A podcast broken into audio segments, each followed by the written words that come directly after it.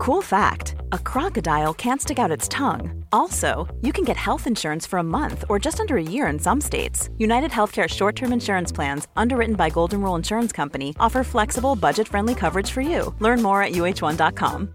Everyone knows therapy is great for solving problems, but getting therapy has its own problems too, like finding the right therapist, fitting into their schedule, and of course, the cost. Well, BetterHelp can solve those problems. It's totally online and built around your schedule.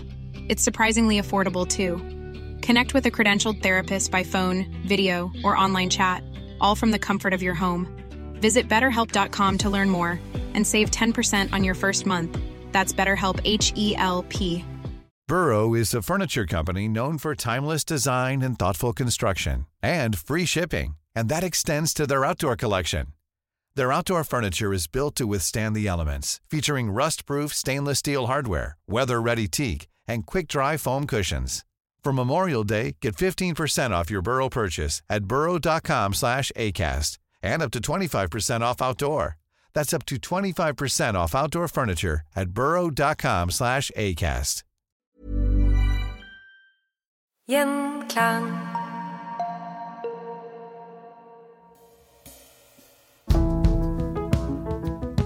Velkommen til Historier som endret verden. I forrige episode så snakket vi om oppveksten til Vladimir Putin, hans jobb i KGB, og endte opp med at han ble viseborgermester i hjembyen. Så, Jørn, han skulle med familien flytte til Moskva i 1996. Ja, han fikk tilbud om å flytte til Moskva tidligere, og det ville vel og kona, veldig gjerne. Det er stas. Enda mer stas enn Petersburg.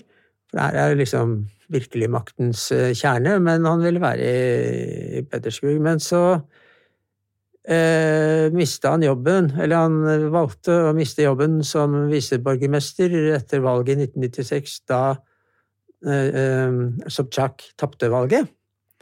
Eh, men han hadde så godt rykte som effektiv tjenestemann at han fikk tilbud om å fortsette. Og det er litt uvanlig i Russland, for skifter jo gjerne ut mannskap.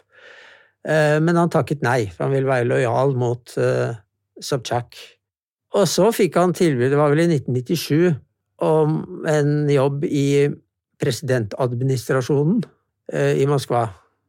Ikke så veldig høyt rangert, men en jobb der. Og den tok han. Og ganske raskt så fikk han tilbud om andre jobber. sånn at i løpet av noen få år så rakk han å være bli sjef for FSB.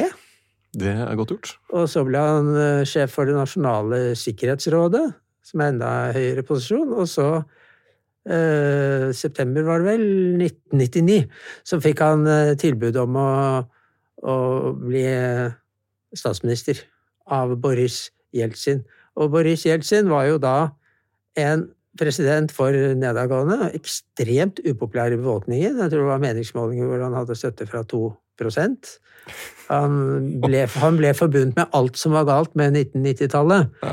All fattigdommen og, og den der litt sånn uh, utviskingen av den russiske selvhevdelsen på den internasjonale arenaen og sånn i befolkningen, men også i eliten. Altså, man hadde jo de siste årene fram til 1999, så var det jo det var ikke bare Putin som var opptatt av å gjenreise Russland, på en måte. Det var ganske allment utbredt. Men Jeltsin hadde tiltro til Putin, fordi Putin hadde vist seg som lojal ved flere forskjellige anledninger.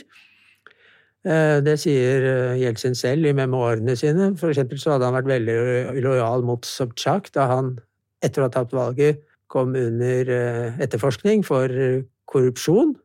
Da stilte Putin seg på hans side lojalt, selv om det ikke var så veldig opportunt da, for da skulle Sobchak tas, mm. og sørget for en uttransportering av Sobchak med et uh, finsk uh, medisinsk uh, fly til Paris, hvor han da fikk behandling mm. for sykdom som han hadde, og, og slapp unna fengsling.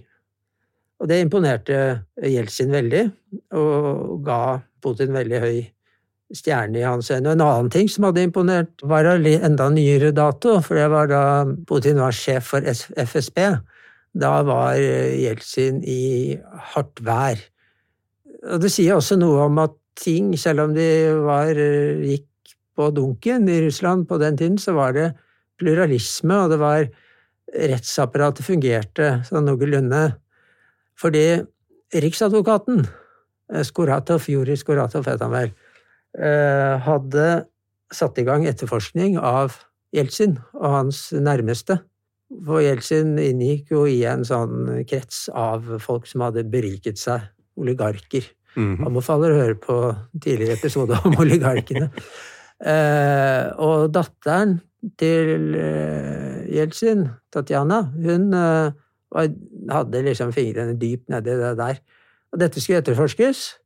Og det var problematisk. Og Skoratov var en tøffing, sånn at han måtte gjøre noe med han. Og hva gjorde man da når man leder i hemmelige tjenester? Man arrangerer kampramat. Hva er kampramat? Ja. Det er en typisk russisk forkortelse for kompromitterende materiale. Aha. Og da sørget det for at eh, Nok ikke imot denne Skoratovs egen vilje, men det dukket opp to eh, prostituerte på hans hotellrom som var uh, rikelig utstyrt med kameraer i alle mulige vinkler. Uh, og dette ble da filmet. Uh, livlige seanser der, og vist på TV. Så det var den riksadvokaten. Og det sier noe om Putins hensynsløshet og om hans lojalitet. Dette imponerte Jeltsin noe voldsomt. Altså, dette var en person han gjerne så kunne ta over etter seg. Og det var det mange andre som også tenkte, blant annet eh, oligarker som Boris Berezovskij, som var en av de fremste oligarkene som hadde beriket seg på snuskete vis fra slutten av 80-tallet, under Gorbatsjov og framover. Uh, han hadde bakgrunn fra Lada-fabrikken i Toljatti, Volga-distriktet, Volga hadde tjent seg rik på Eh, smarte manøvrer eh, i bilmangelens eh, Sovjetunionen først, og utover på 1990-tallet. Han var veldig opptatt av at det skulle komme en lojal person til makten. Og han satt på eierandeler i veldig mye rart i Russland, men en stor mediemagnat. Så han eide TV-stasjoner, forlag, aviser osv. Så, videre. så det var han som satt disse tre journalistene fra en mediebedrift han eide, til å lage denne PR-boka om Putin, som jeg har sitert så livlig fra eh, tidligere. Så her eh, var det et sterkt ønske fra Jeltsin og kretsen rundt ham av å få en etterfølger som ikke ville pirke borti eh, ulovlighetene de hadde gjort seg skyldig i. Og hva var det første dekretet Jeltsin utstedte rett etter at han hadde blitt utnevnt til midlertidig president nyttårsaften 1999. Jo, hans dekret nummer én, Okaz nummer én, det dreide seg om at Jeltsin og hans familie skulle ha juridisk immunitet.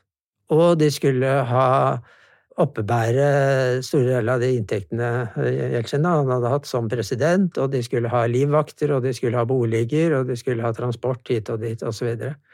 Så det var en sånn beskyttelse av den avgåtte presidenten som var en betingelse på en måte for at han skulle ta over. Og det gjorde at eh, Putin på mange måter var litt hemmet de første fire årene han var president, da, for han måtte forholde seg til, til denne avtalen. Hva syntes han om disse oligarkene?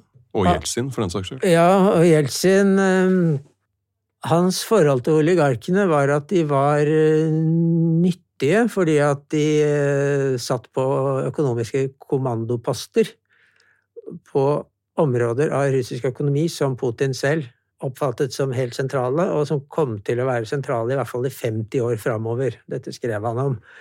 Eh, nemlig gass, olje, mineraler, naturressurser.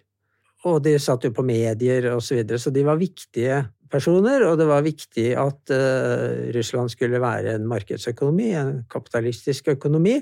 Og da må man ha kapitalister. Og kapitaleiere. Og når man driver med sånne svære ting som olje og gass, så må det være store selskaper, og da blir det store kapitaleiere.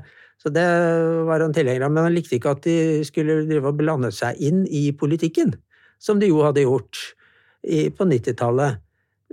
Og de aller fleste da, eller alle egentlig, på Jeltsins side, fordi at de hadde jo vært eh, beskyttet av Jeltsin og drev gjorde avtaler med ham som var til deres begunstigelse. Eh, men eh, da Jeltsin falt, så endrer på en måte det politiske landskapet seg litt, og disse oligarkene spredte seg allerede fra slutten av 1990-tallet seg på litt ulike politiske retninger. Så en av de aller første tingene han gjorde etter å ha blitt valgt i mars år 2000, var å samle oligarkene og sette dem på plass si at dere skal fortsette å, være, fortsette å eie alle disse eierandelene og være oligarker, men dere skal ikke drive noe egen politikk. Og så skjedde det som gjorde at det virkelig ble alvor i dette her, og det var Kursk-ulykken i august. En ubåten, ja? Ja, år 2000.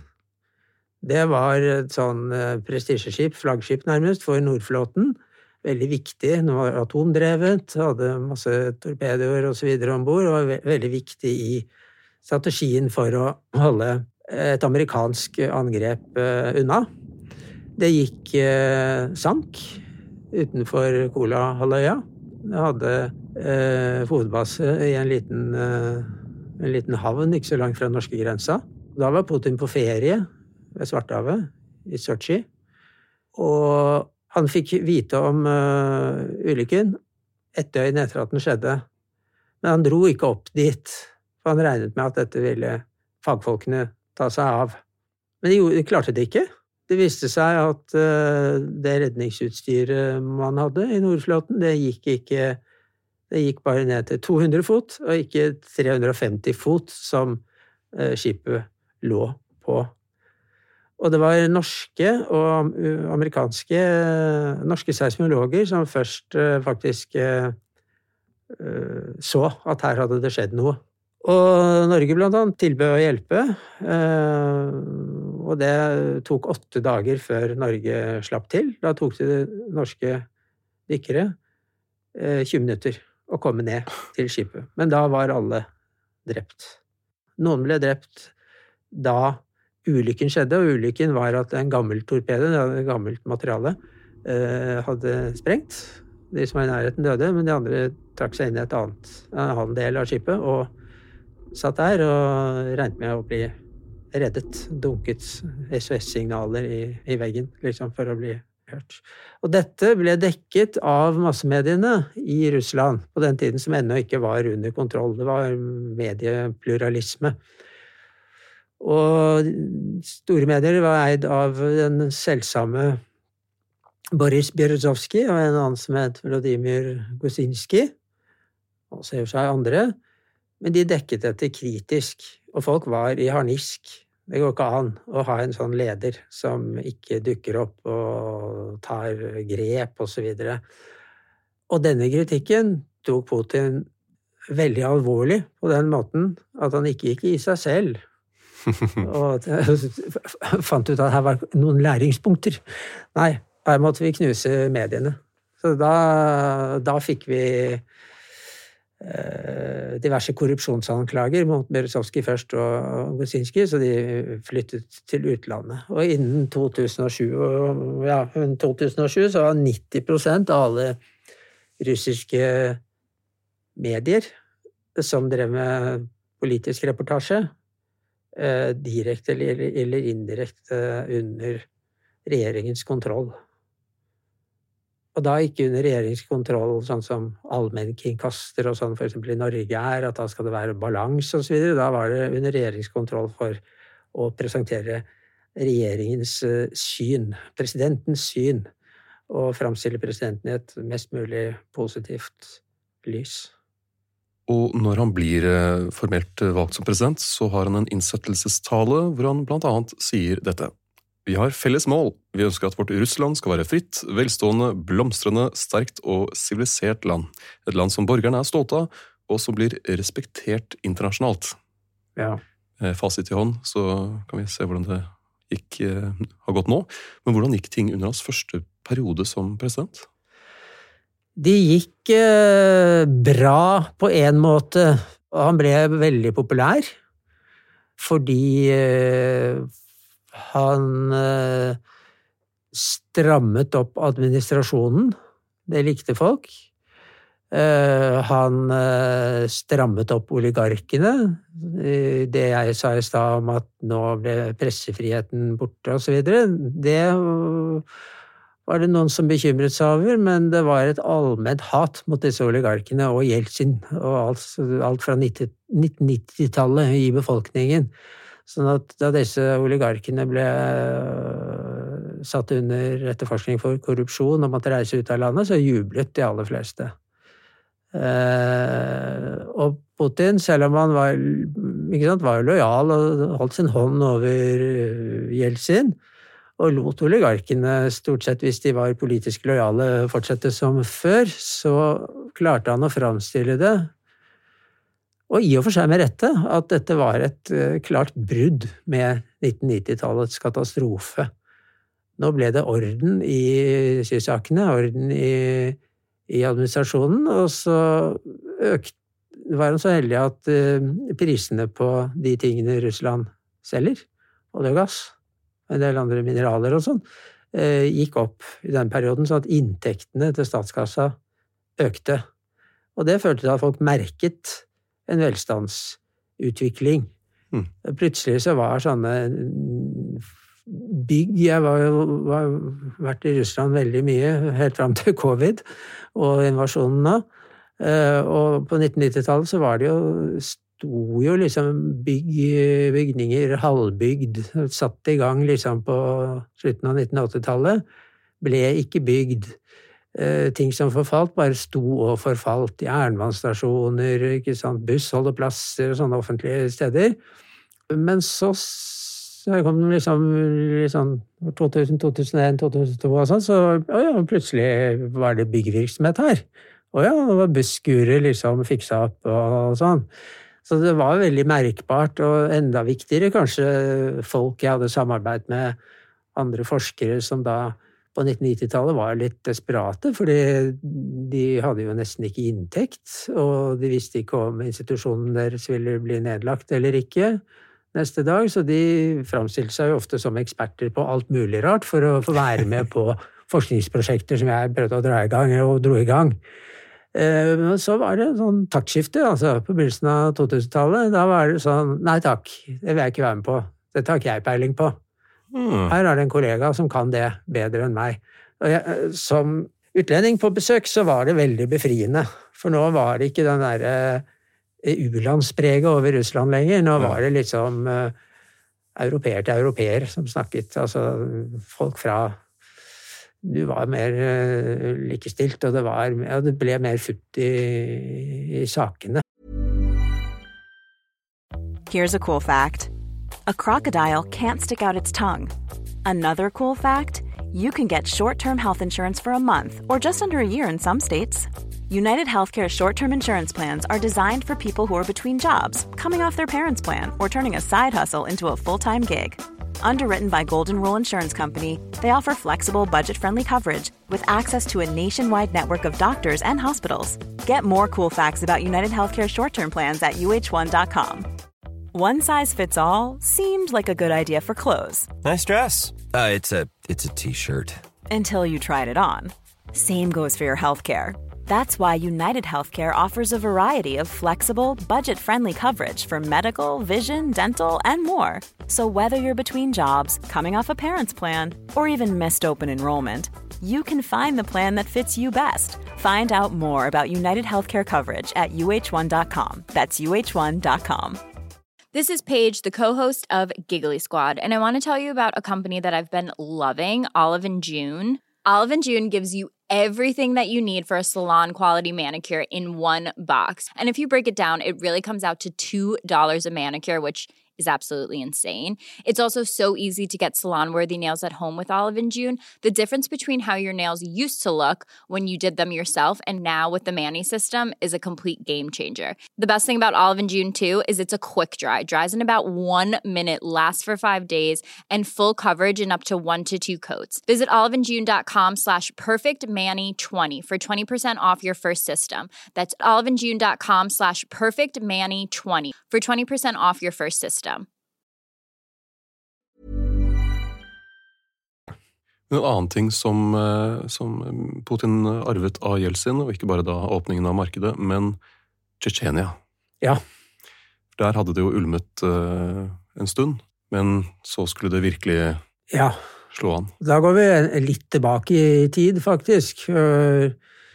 Putin fikk jo den andre Tsjetsjenia-krigen opp i fanget Mm. eh, da han var FSB-sjef og statsminister.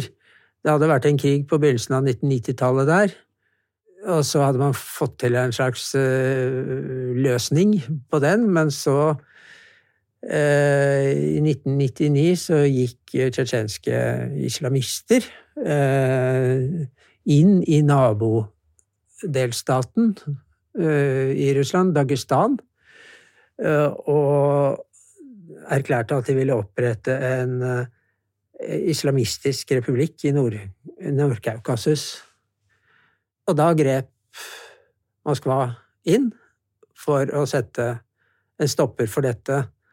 Og det var eh, Putin. eh, Så ansvar på den tiden. Og var og det, det ser man i denne boka, han, eh, som jeg snakket om hele tiden, at han, når han framstiller seg selv, så er han liksom litt sånn jovial og sportslig og familiemann og sånn.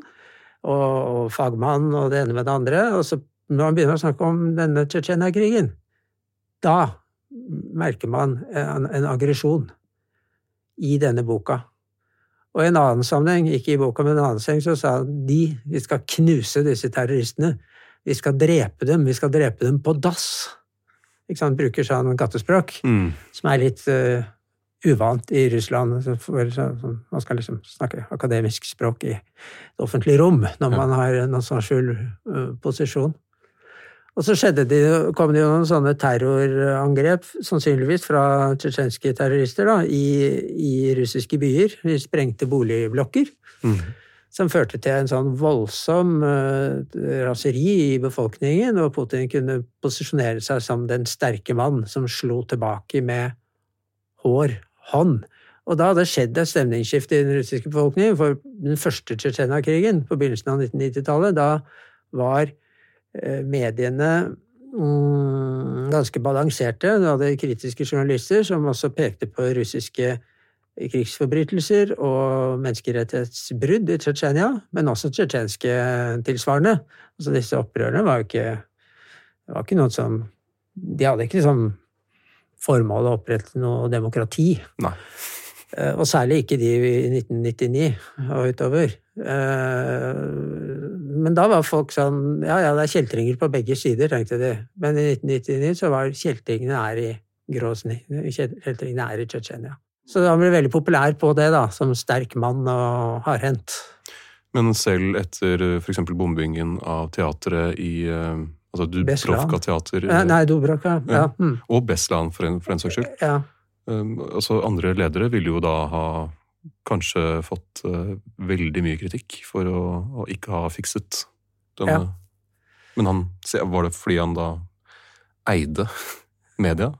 Det var nok veldig mye det. For særlig Beslan, det var vel i 2004, ikke sant? en skole i Nord-Kaukasus som ble okkupert av eh, Eller barna og lærerne ble tatt som gisler av tsjetsjenske islamistiske terrorister.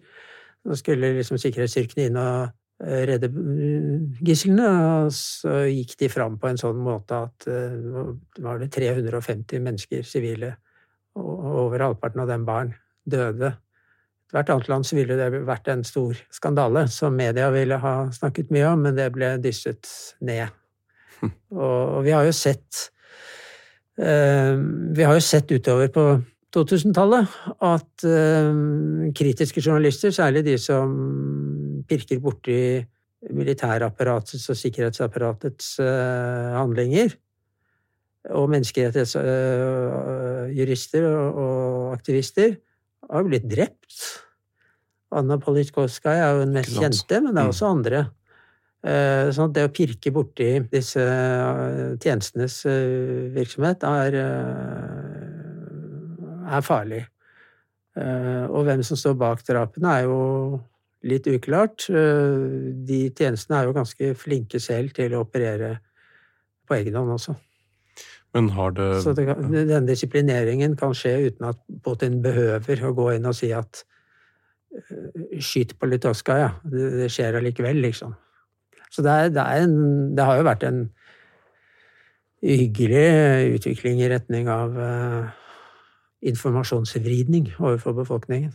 Men har det vært eh, fra altså, NKVD til KGB til FSB, har det vært noe, en forandring der, eller er det, har det vært ganske likt? Det er jo forandring, fordi eh, Sovjetunionen under Stalin er jo tross alt et helt annet samfunn enn det Russland under Putin. Altså, det er jo en helt annen eh, Folk er jo ikke innesperret i Russland. Eh, De reiser jo inn og ut, og, og, de har jo hatt Nå er det jo begrensninger på tilgangen på informasjon, men det er jo av, av nyere dato. Og det er jo en helt annen type samfunn de opererer med i, men eh, det som står fast, er jo at de, som andre, alle sånne sikkerhetstjenester, også i demokratiske land, er at de er opptatt av eh, at man ikke skal bli manipulert utenfra og bli sårbar. Eh, Men det skiller dem kanskje, er litt metodene de bruker, og, og hva de anser som farlig for, for samfunnet. Og der har jo dette sikkerhetsapparatets folk vært en viktig lobby, så å si, i det russiske samfunnet under Putin. Balansert ut mot andre, i og for seg. De har ikke hatt uh, enerådende makt, men de har hatt en finger med i spillet hele tida, som gjør at Russland av og til gjør sånne ting som kan være litt vanskelig å forklare. eh, Nekter enkelte personer innreise i Russland og sånn. Litt sånn uklart hvorfor akkurat den personen, men det er et eller annet de har imot det de, de driver med, da. Mm.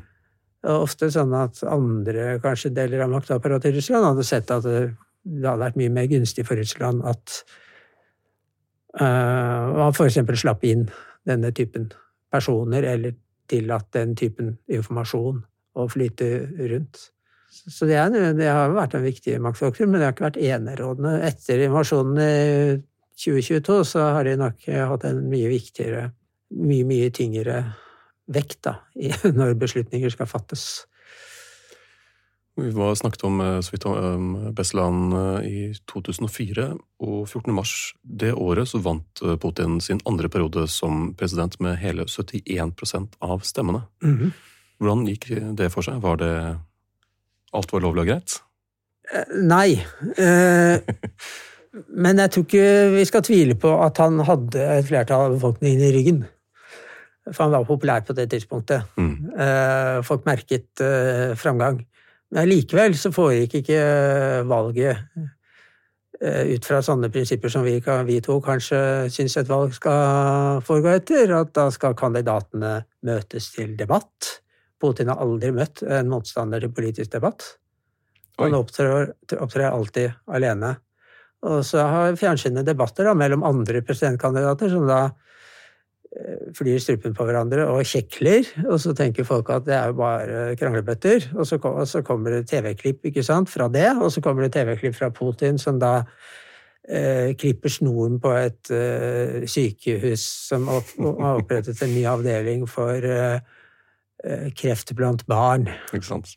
Eller han sørger for at en eller annen eh, landsby får vei, eller et eller annet sånt. ikke sant? Sånn at han er hevet over dette, og er en som ordner opp. Som ser et problem, og så ser han at Putin rydder opp i det. En sånn typisk måte, både under valgkamp og ellers, er, eh, og på fjernsyn, er at eh, Putin sitter da ved sitt eh, store skrivebord, og så kommer en guvernør eller en minister inn, og så trer Putin eh, ned fra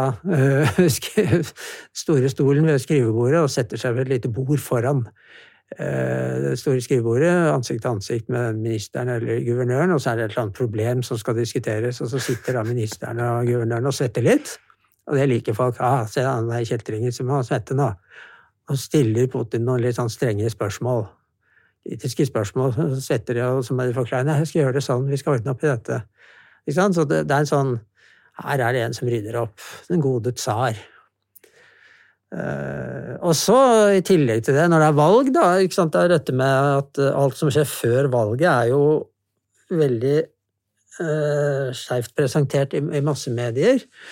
Og det andre er at uh, kandidater og partier må registrere listene sine, og der finner man alltid noen administrative feil. ikke sant? Du har skrevet en liten feil i ja, det var ett eksempel jeg så for en stund siden, en eller annen fra Tsjetsjenia som hadde stilt opp, og så skrev han at han var født i den og den landsbyen i Den tsjetsjenske republikk. Så nei, det ble underkjent fordi at det skulle stå Den tsjetsjensk-ingusjetiske republikk, for det het det på det tidspunktet han ble født. Den type eh, ting. Og så er det litt sånn tilfeldig noen partier, da, sånt liberalt eh, aktig parti, europeisk orientert, eh, nærmest sosialliberalt sosialdemokratisk parti som heter Jabloko, de de kan av og til stille opp, og så plutselig så kan de ikke stille opp i en region, da. Så det er en måte de liksom hele tiden lager litt trøbbel på. Så, og så er det det med um, opptellingen, hvor det også er en del juks. Det blir alltid påvist en sånn filmklipp hvor du ser de opposisjonelle sprer da, at de bare stapper stemmesedler oppi Kommer sånn etter stengetid og putter stemmesedler oppi valgurnen og sånn. men som regel har ikke dette, i hvert fall inntil nå, så har ikke det vært nødvendig for Putin og hans parti å, å vinne valgene. Men uh, da kan man spørre hvorfor i all verden gjør han det? Mm. Svaret på det er at uh, han gjør det fordi han kan gjøre det, og det er lurt å vise at han kan gjøre det overfor uh, omkretsen hans av maktpersoner.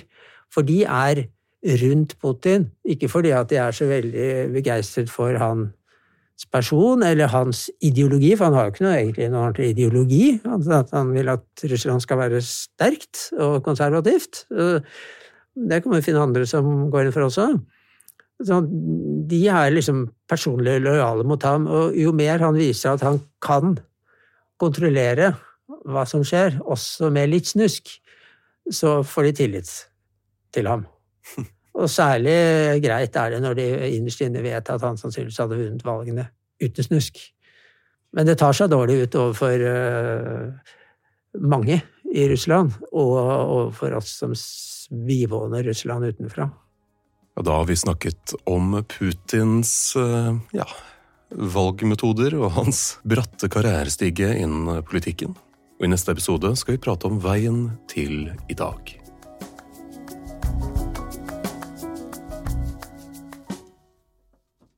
Gjenklang.